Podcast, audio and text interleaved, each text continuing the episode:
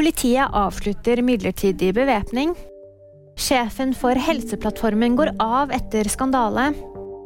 Og kringkastingssjefen tok selvkritikk for Sofie Elise-samarbeid. Mandag avslutter politiet midlertidig bevæpning. Den ble innført etter prideskytingen i Oslo i fjor sommer.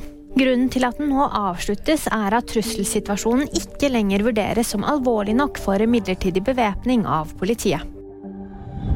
Sjefen for Helseplattformen Torbjørg Vanvik går av etter skandale ved St. Olavs hospital. En feil ved den nye Helseplattformen gjorde at over 16 000 brev ikke kom frem til pasienter. Tillitsvalgte på St. Olavs forteller at de har mistet tillit til styringen av prosjektet.